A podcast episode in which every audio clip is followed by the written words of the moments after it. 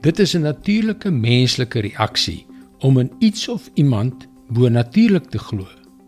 Elkeen van ons gaan op 'n stadium na daardie iets of iemand om in te glo soek, daardie iets of iemand om ons geloof in te anker. Hallo, ek is Jockey Gouchee vir Bernie Diamond en welkom weer by Vars. En terwyl ons na daardie iets of iemand soek, is daar twee vrae wat ons onsself moet afvra.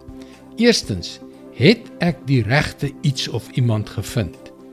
En tweedens, glo ek werklik daarin? Sommige mense stel hul vertroue in hul finansies en hoe ryker hulle word, hoe makliker is dit om daarin te glo. Ander stel dit in hulle eie vermoëns. Nog ander leef in hul verknogtheid aan wêreldse oplossings. Dan is daar diegene wat nadat hulle deur dure ervaring ontdek het dat al daardie dinge hul onvermydelik in die steek sal laat, hulle geloof in Jesus stel. Vir gelowiges is dit redelik maklik om die eerste vraag vinnig te beantwoord. In Christus het ons absoluut die regte iemand gevind. Maar wat van daardie tweede vraag? Glo ek werklik?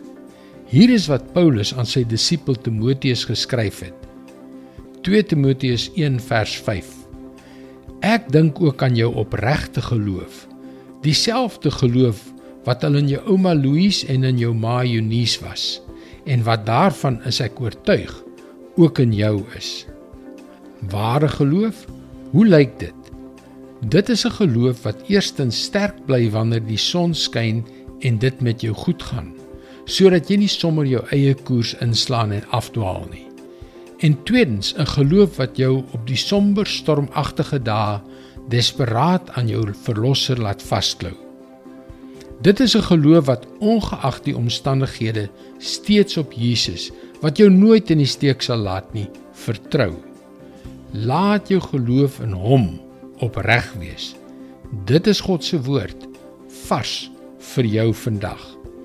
En wanneer ons deur dik en dun in geloof aan Jesus vashou, lei hy ons in die oorwinning oor ons sonde en omstandighede. Indien jy na vorige vars boodskappe wil luister, hulle is ook almal op Potgooi beskikbaar.